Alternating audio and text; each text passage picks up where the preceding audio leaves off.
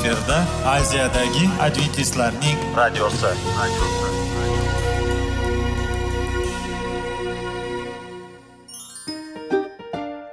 Assalomu alaykum radio tinglovchimiz. Dasturimizga xush kelibsiz va bizni tinglayotganingizga sizdan judayam minnatdormiz.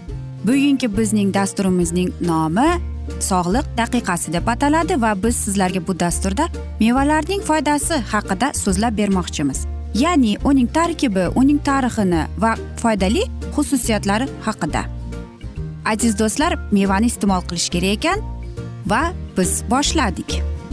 Ketdik. Sog'liq daqiqasi soliqning kaliti qiziqarli ma'lumotlar faktlar. Har kuni siz uchun foydali maslahatlar. Sog'liq daqiqasi rubrikasi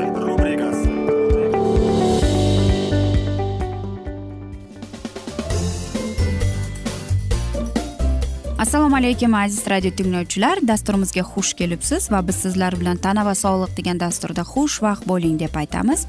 Va bugungi bizning dasturimizning mavzusi yelkalarga g'amxo'rlik qilish deb nomlanadi.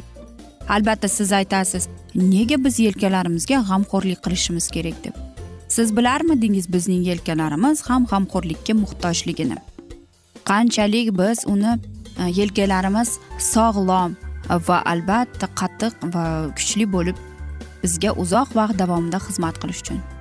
Bilasizmi insonlar o'zining hayotining yarmini yotoqxonasida o'tkazar ekan.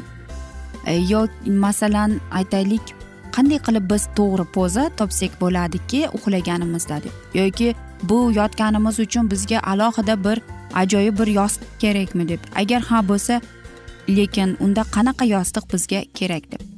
Keling birinchisiga biz topaylik sabablarini. Qanday pozada biz uxlashimiz kerak yoki qanday to'g'ri e, yotishda. Qarangki eng qiziq joyi shundaki biz kechqurun qanday yotsak mana shu ahvolda insonning beli e, xuddi mana shunday e, aytar ekan. Ya'ni biz o'tgan galgi dasturlarimizda aytgan edikki belda uxlagan inson u darrov uxlab qolar ekan va qattiq uxlaydi ekan. Shuning agar sizning uyqungiz xavotirli. Siz ko'p uyg'onsangiz boshingiz og'risa belingiz og'risa bo'yningiz og'risa yoki siz sezyapsiz qo'llaringizni umuman e, qatib qolyapti yoki hattoki xurrak yotasiz demak shuni bu sizga e, bir narsani aytyaptiki sizda yostiq bilan muammo bor yoki hattoki yotoq matrasingiz bilan. Xo'sh qanday qilib biz sizlar bilan belgilashimiz mumkinki? E, yostiqda almashtirish uchun deb. Aytingchi siz yotganingizda qo'lingizni yostiqni tagiga e, tiqasizmi u baland bo'lishi uchun? Agar shunday bo'lsa demak siz judayam ingichka yostiqda yotibsiz. E, buning uchun siz darrov almashtirishingiz kerak. Yoki masalan aytaylik siz uxlayotgan mahalda siz sezyapsizki bo'yningiz judayam og'riyapti. Yoki aytaylikki siz e, bu unday hislar nimaga paydo bo'ladi? Demak siz judayam katta va semiz yostiqda uxlayapsiz. Va albatta ertalab turganingizda sizning bo'yningiz og'rib va siz o'zingizni charchaqdek his etasiz. Nega? Chunki siz uxlayotganingizda juda ko'p og'anaysiz va ko'p yostiqni to'g'irlaysiz yoki siz o'ta yumshoq yostiqda uxlayapsiz. Siz aytasiz qanday qilib biz yostiq tanlashimiz mumkin? deb. Bilasizmi? Judayam hozirgi yigirma birinchi asrda ko'p yostiqlar bor ortotepik bor ergonomik bor. Nimada bularning farqi deysizmi? Eng yaxshisi bu albatta yumshoqlik. Lekin nafaqat yumshoqlik. Deylik siz to'g'ri yostiq tanlashingiz kerak. Agar siz ergonomik e, yostiqni tanlagan bo'lsangiz demak bu yostiq sizni to'g'ri uxlashda yelkalaringiz ham to'g'ri bo'lganida albatta yordam beradi. Yostiq hech ham yelkalaringizni ko'tarmaslik kerak. Aslida esa teskari bo'lar ekan. Yostiq shunday bo'lishi kerakki boshingiz boshingiz yostiqda yelkalaringiz esa matrasda turishi kerak ekan. Qarang mana shundagina siz o'zingizni ertalab uyg'onib o'zingizni sog'lom va yengil his etasiz ekan. Yoki aytaylikki biz qanday qilib uxlaymiz deb. Agar siz ertalab turganingizda qo'lingizni ko'targaningizda og'riqni his qilganingizda demak siz noto'g'ri yotib qo'ygan bo'lasiz. Va biz yuqorida aytganimizdek siz e, yostiqni e, yoki matrasni almashtirishingiz kerak. Hozir e, aytaylik ortotepik matraslar juda ko'paygan. Va siz to'g'ri tanlasangiz uyqungiz yotishingiz yotgan pozangiz ham hattoki sizga yordam berib keladi. Albatta siz aytasiz buning hojati yo'q deb. Judayam kerak chunki mana yelkalar bo'yinlar qo'llar siz ertasiga turib ishlaysiz. Ammo lekin sizda noqulaylik bo'lsa unda sizga ishlashning qiyinroq bo'lib qoladi. Aytaylik siz sport bilan shug'ullanasiz. Nima bo'ladi? Albatta siz ertalab turib yugurasiz harakat qilasiz va albatta og'riqni his qilganingizda siz o'ylaysizki bu sportdan bo'lgan deb. Yo'q aziz do'stlar. Mana yuqorida bizning shifokorlarimiz aytgandek to'g'ri yostiq to'g'ri matras bizga yordam berar ekan va maslahatimizga rioya qilasiz deb umid qilaman chunki mana shunday sizning sog'lig'ingizga kerakli narsa. Va unutmangki siz yostiq tanlayotganingizda yostig'ingiz shunday balandlikda bo'lishi kerakki yelkalaringiz matrasga tegib turishi kerak ekan. Faqatgina shunda bo'yningiz yelkalaringiz qo'llaringiz siz og'rimasdan va o'zingizni yengil his etib uyg'onasiz. Va albatta agar sizda baribir qandaydir bir sabablarga ko'ra og'riqlar paydo bo'lgan bo'lsa unda sizni shifokorga borishingizga maslahat berib ko'ramiz. Va u sizga faqatgina qanday qilib yordam berishni qanday dorilarni yordam qiladi aytishi mumkin ekan. Va sport bilan shug'ullansangiz o'zingizni mm, og'riq ko'tarmaslikka harakat qilib ko'ring. Yoki o'zingizni g'amxo'r qilingki qanday yostiqlarda qanday e, matrasda yotasiz. Va unutmang bizning keyingi dasturlarni tinglashga chunki biz sizlar bilan keyingi dasturlarda aytib beramiz qanday qilib siz yelkalaringizga gimnastika haqida aytib beramiz. Va afsuski bugungi dasturimizni biz mana shunday asnoda yakunlab qolamiz chunki bizning dasturimizga vaqt birozgina chetlatilgani sababli. Agar sizlarda savollar tug'ilgan bo'lsa biz sizlarni salomat klub internet saytimizga taklif qilib qolamiz. Va umid qilamizki siz bizni tark etmaysiz deb chunki oldinda bundanda qiziq va foydali dasturlar kutib kelmoqda. Va biz sizlarga va yaqinlaringizga sog'lik salomatlik tilab o'zingizni ehtiyot qiling deb xayrlashib qolamiz.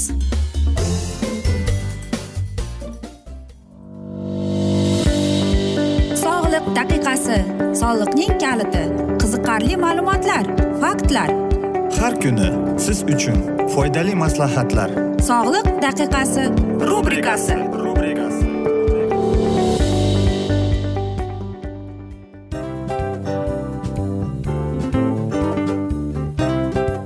mana ha hayotda hamma narsaning yaxshi narsalar tugaydi va yakunlaydi degandek bizning dasturimizga ham yakun keldi. O'ylaymanki bizning dasturimiz sizga foydali bo'ldi deb aziz radio tinglovchimiz. Va siz o'zingiz uchun kerakli xulosalar kerakli maslahatlar olib oldingiz. Aziz radio tinglovchimiz biz bilan qoling va keyingi dasturlarimiz albatta undanda qiziqroq bo'ladi. Mana shu alfozda sizlar bilan xayrlashib qolaman.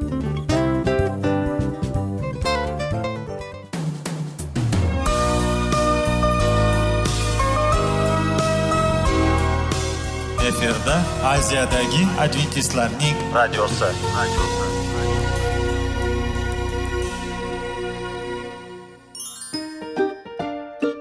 Assalomu alaykum aziz radio tinglovchilar. Dasturimizga xush kelibsiz. Va sizlarni bugun biz munosabatlar haqida sizlar bilan suhbat qurmoqchimiz. Ya'ni ikki sevishganlar to'g'risida yoki er xotinning o'rtasida bo'lgan munosabatlar haqida. Masalan yigit qizni qanday sevish kerak? Er xotinni qanday sevish kerak? Xotin erini qanday sevish kerak? Qanday munosabatda bo'lish kerak ular bir biriga mana shunday haqida bizning mavzuyimiz.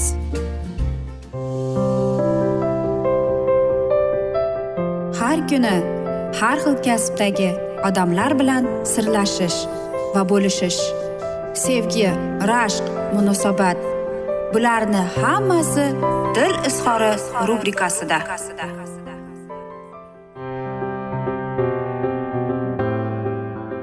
Assalomu alaykum aziz radio tinglovchilar. Dasturimizga xush kelibsiz.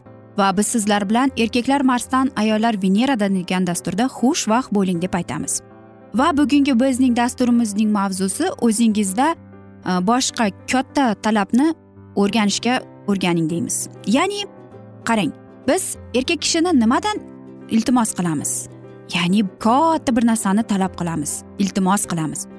Lekin so'rashdan oldin aziz ayollarimiz bir narsani unutmang. His qiling u nima qilyapti va u nimani sezyapti. Va albatta biz o'zimizda bo'lgan qo'llab quvvatlashni undan kutganimizda hech ham undan katta talab narsalarni kutmang. Siz unga shu narsalarni berasizki demak u erkak kishi o'ylaydi meni qadrlashmaydi deb. Shuning uchun ham aziz ayollarimiz erkaklarimiz o'rganib qolishi kerak. Siz undan qo'llab g'amxo'rlikni undan iltimos qilganingizda. Masalan aytaylik undan ko'p narsani emas. U sizning sevgingizni his qilishi kerak. Ya'ni men emas biz biz sevimlimiz deyish kerak. Shuning uchun ham men o'ylaymanki e, biz yo'q javobini olganimizda ham biz o'zimizni to'g'ri tutishimiz kerak. Qarangki erkak kishiga shunday hissini beringki u sizga yo'q javobini bersa ham u siz uni sevgingizdan mahrum qilmaysiz. Qanday qilib u biladi deysizmi? Hech qanday. Siz unga masalan u sizga yo'q dedimi? Nima bo'lgan taqdirda ham siz ayting. Rahmat. Deb bo'ldi.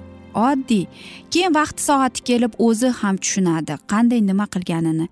Va men o'ylayman hammamiz ham to'g'ri tushunishga harakat qilamiz. Qarang masalan eringiz televizor ko'rib o'tiribdi va siz kelib unga aytyapsiz kechirasan sen magazinga borib kelolmaysanmi tushlikka? deb. Va mana shu savolni berganingizda uning ichki ovozi tayyor qarshilikni kutib olishga.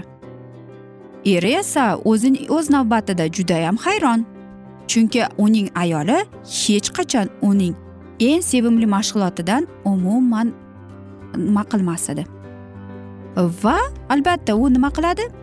Ha hozir men yangiliklarni ko'rib olay sen o'zing qilolmaysanmi deb. Va albatta mana shu asnoda ayol kishi aytishi mumkin. Albatta men o'zim ham qila olaman lekin men hamma narsani uyda qilyapman. Menga yoqmayapti men sen uchun xuddi aytaylik xizmatkorman deb. Menga men xohlayman menga yordam berishlarini deb. Va agar siz mana shunday iltimos bilan unga murojaat qilgan bo'lsangiz va agar siz e, rad javobini olsangiz demak uni to'g'ridan to'g'ri qabul qilishga harakat qilib ko'ring. Va oddiy ayting ha bo'ldi deb. Agar e, deylik sizning marsianingiz javob berganda yo'q muammo yo'q deb ketavering bo'ldi. Va faqatgina birgina so'z. Bo'ldi degan so'z unga yetib ortadi. Va keyingi safar siz e, o'zingizning turmush o'rtog'ingizga qanday qilib iltimos qilsangiz qanday qilib o'zingizni tutsangiz u biladiki u hech narsadan qo'rqmaydi.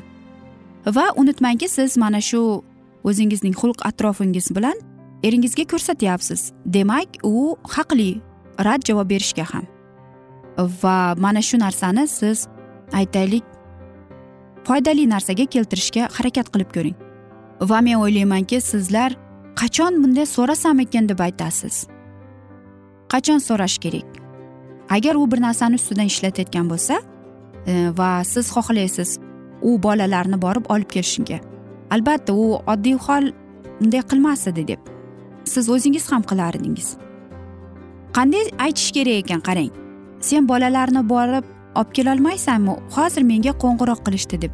Agar rad javobini olsangiz unda tinchgina ha mayli deb qo'ying bo'ldi. Yoki masalan u ishdan qaytib keldi va u nimani kutadi? Albatta tushlikni kutadi va o'ylaydiki hozir u kelib e, uni aytmaydi ham deb. Va siz sezasiz u ovqat pishirishni yoqtirmaydi. Siz nima deyish kerak? Sen e, kartoshkani tozalolmaysanmi deb? Yoki Э, sen bugun tushlikka obed qilolmaysanmi? deb.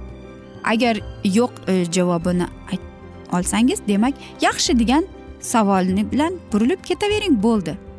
Har safar har xil e, jiddiy mana shunday e, narsalar bo'lib kelganda siz agar rad javobini olganingizda aziz ayollarimiz to'g'ri va tinchgina qabul qilishga o'rganib qoling. Ha javobini ham rad javobini oling. Agar shunday bo'lganda u sizga o'zining g'amxo'rligini o'zi taklif qilar edi. Agar har safar siz mana shu rad javobini olayotganingizda hech qachon uni tanqid qilmang. Va qarangki erkak kishi sizga mana shu asnoda sizga hisobot o'tkazib turadi. Agar yana bir mahalda siz undan e, yordam so'rab qolib va u sizga katta xohish bilan sizning e, iltimosingizga ha javobini beradi. Bunday olib qarasa sizning e, mana xushmuomalalik munosabatingiz eringizga aytaylik judayam bir yordam berishga intiladi sizga g'amxo'r bo'lishga yordam beradi. E, shuning uchun ham men o'ylaymanki bizning aziz ayollarimiz mana shunday bir qo'llaydi. Mana shu usulni ham. Chunki aziz erkaklarimiz har xil. Agar biz aziz erkaklarimizni bir narsani bizga yordam berib qo'y desak biz u bilan o'zimizdan uzoqlashtirmaymiz. Hattoki yo'q javobini olsak ham. Lekin boshqa tarafdan agar biz o'zimizni e, qurbonlikka olib kelsak va biz o'zimiz erkagimizga aytmasak uni boshqacha tushunishni boshlaydi.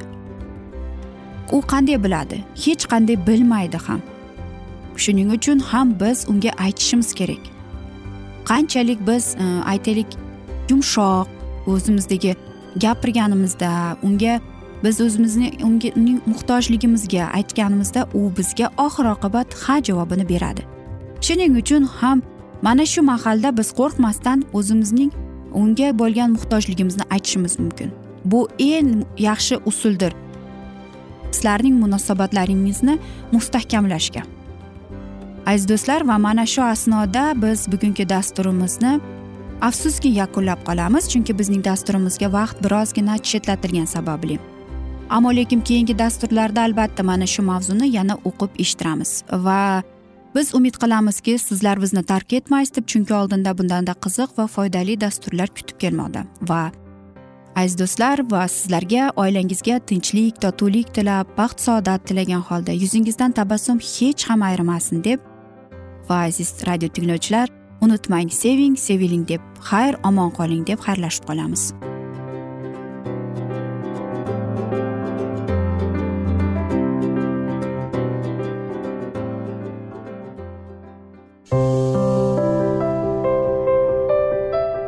Har kuni har xil kasbdagi odamlar bilan sirlashish va bo'lishish. Sevgi rashq munosabat bularni hammasi dil izhori rubrikasida. Mana aziz radio tinglovchimiz bizning go'zal va foydali va chiroyli dasturimiz yakunlanib bormoqda. Sizlarga birozgina maslahat berib o'tmoqchi edik. Bir biringizni seving qadringizga yeting va erkalang albatta bir biringizni va sizga judayam chiroyli va mustahkam munosabatlar tilab qolamiz albatta. Sevgilingiz doimo yoningizda bo'lsin. Mana shu borada sizlar bilan xayrlashib qolamiz. Xayr.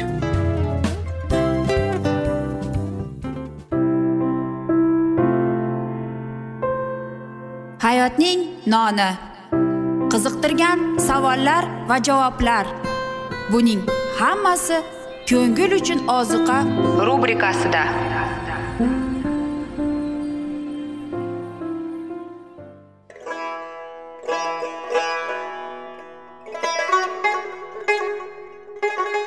Assalomu alaykum aziz va qadrdon radio tinglovchimiz. Dasturimizga xush kelibsiz. Bizni tanlaganingizga sizdan minnatdormiz. Va keyingi bizning e, mavzuyimiz diniy masalasiga kelib chiqadi. Albatta hayot davomida bizni ko'plab qiziqtirgan savollar bordir. Va mana shu savollarga qayerdan javob olsam ekan deb o'ylanib chiqamiz. Yoki hayotning ma'nosi nimada deb o'ylanamiz. Mana shunday dasturlar o'ylaymanki siz sizga foyda bo'ladi deb. Aziz do'stlar e, bugungi bizning mavzuyimizning nomi vahiy kitobning ochilishi. Ya'ni bu muqaddas kitobda shunday deb yozilgan. Vahiy kitobning bizga bo'lgan buyuk sovg'asi deb.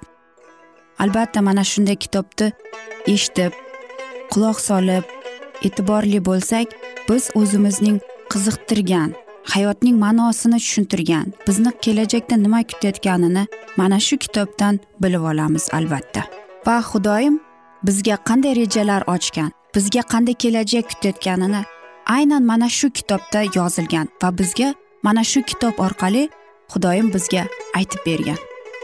Keling aziz do'stlar mana shu kitobni e'tiborli va yaxshilab quloq solib va chuqurroq nazar solaylik shu muqaddas kitobga. Assalomu alaykum aziz radio tinglovchilar. Dasturimizga xush kelibsiz va biz sizlar bilan ulug' kurash degan kitobni o'qib eshittirayotgan edik va bizning bugungi dasturimizning mavzusi global diniy uyg'onish deb nomlanadi va biz sizlar bilan o'tgan galgi mavzuni bugun davom ettiramiz. Keladigan u kun va soatni hech kim bilmaydi ya'ni odamlar rabbiyning kelish vaqti yaqinligini umuman bilmasligi kerak. Ushbu so'zlarni ro'qach qilgan kimsalarga volf quyidagicha javob bergan. Nahotki rabbiy u kun va u soat haqida hech qachon ma'lum bo'lmaydi deb aytgan bo'lsa? U anjir daraxtidan ibrat olishimiz kerakligini anjirning shoxlari ko'karib barq chiqarayotganda yoz yaqinlashib qolganini bilganmiz. Singari u hushyor bo'lib turishimiz haqida bizni ogohlantirib bizga vaqt belgilari va alomatlarni nahotki bermagan bo'lsa deb. Nahotki biz hushyor turmay xalvatda qolsak axir uning o'zi bizga doniyor kitobini nafaqat o'qishni balki undagi yozilganlarni tushunishimizni o'rgatganku. So'zlar oxir zamongacha ya'ni payg'ambar vaqti muhrlanib bo'lgandi deb aytilgan. O'sha doniyor kitobida shuningdek ko'plab odamlar uni o'qiydilar. Ibronicha matnda kuzatib va vaqt haqida fikr qilib va yuz beradigan hodisalar borasida bilim ko'payadi deb aytilgan. Ko'rib turganimizdek e, rabbiy bizni bu vaqt vaqtni biz sezmasligimiz to'g'risida emas balki u kun va u soat haqida hech kim bilmasligi haqida ogohlantirgan. Aksincha davr alomatlari orqali toki qachonlardir nuh payg'ambar tufongacha kemani tayyorlab qo'ygan singari biz ham uning kelishini kutib olishga tayyorgarlik ko'rishimizni u bizga to'g'ridan to'g'ri aytib ogohlantiradi. Hamma qabul qilgan tasnifga ko'ra bitikni izohlash yoki buzib ko'rsatish borasida volf shunday yozadi. Masihniy jamoat a'zolarining ko'pchiligi bitikni to'g'ridan tushunishdan chetga olib og'riqqa ketdi. Buddistlarning ta'limotiga ko'ra insoniyatning baxtli kelajagi odamlarning havoda hech bir to'siqsiz uchib yurishiga ishonadigandan iborat bo'lar ekan. Bunday masihiylar ibroniy deb yozilgan so'zni majusiy deb o'qilishi kerakligiga qudus so'zini jamoat sifatida tushunishi lozimligiga yer so'zini esa osmon so'zi kabi qabul qilishi darkor deb tushundilar. Ular rabbiyning kelishi iborasini missionerlar jamiyati rivojlanishi bildiradi deb o'yladilar. Rabiyning tog'dagi uyiga chiqishi va ular metodistlarning katta sinf yig'ini deb izohladilar. Yigirma to'rt yil davomida ya'ni bir ming sakkiz yuz yigirma birinchi yildan to bir ming sakkiz yuz qirq beshinchi yilgacha volf amerikada shuningdek afrikada misr va absinadiyada osiyoda bo'ldi. Falastin suriya fors buxoro hindistonni kezib chiqdi. U amerika qo'shma shtatlarida ham bo'ldi. Yo'l yo'lakay muqaddas yelena orolida vaz qildi. bir ming sakkiz yuz o'ttiz yettinchi yilning avgust oyida nyu yorkda kelgach u oldin bu shaharda so'ngra filadelfiya baltimorda vaz aytib va nihoyat vashingtonda yetib keldi.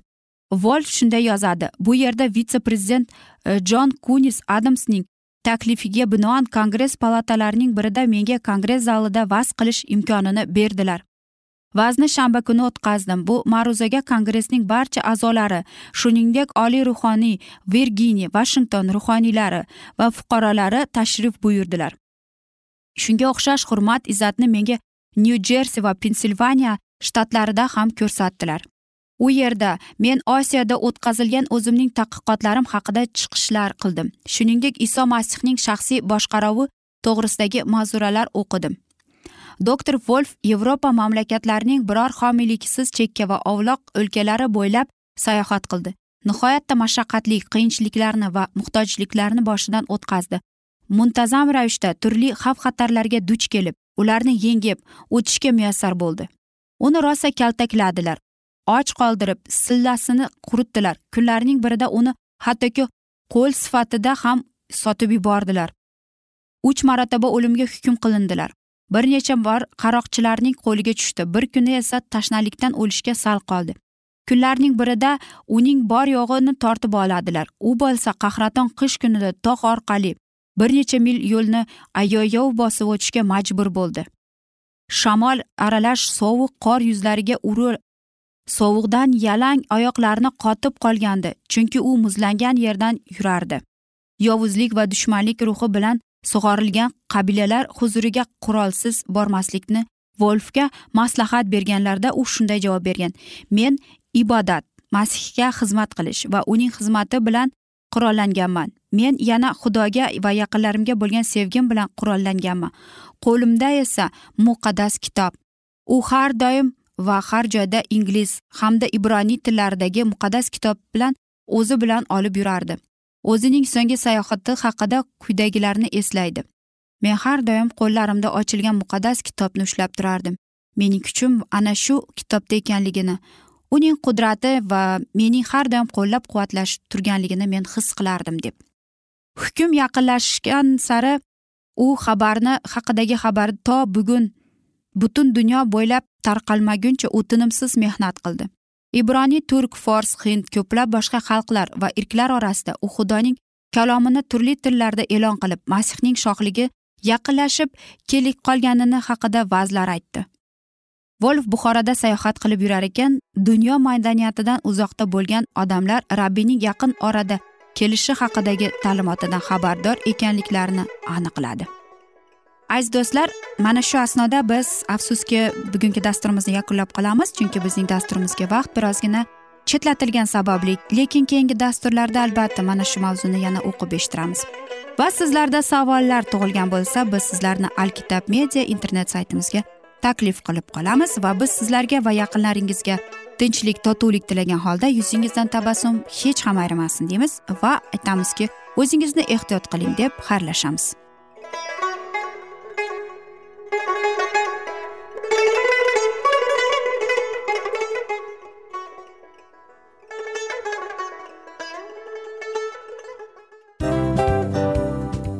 Afsus afsus.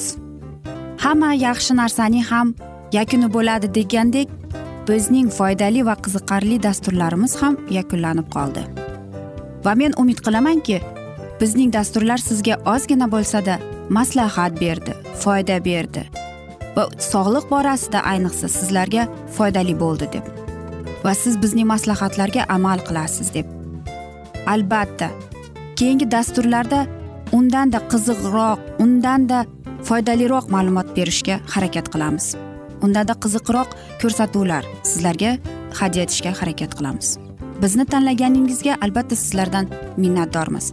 Sizlarga baxt omad va sog'lik tilab qolgan holda mana shu alfozda sizlar bilan xayrlashib qolamiz.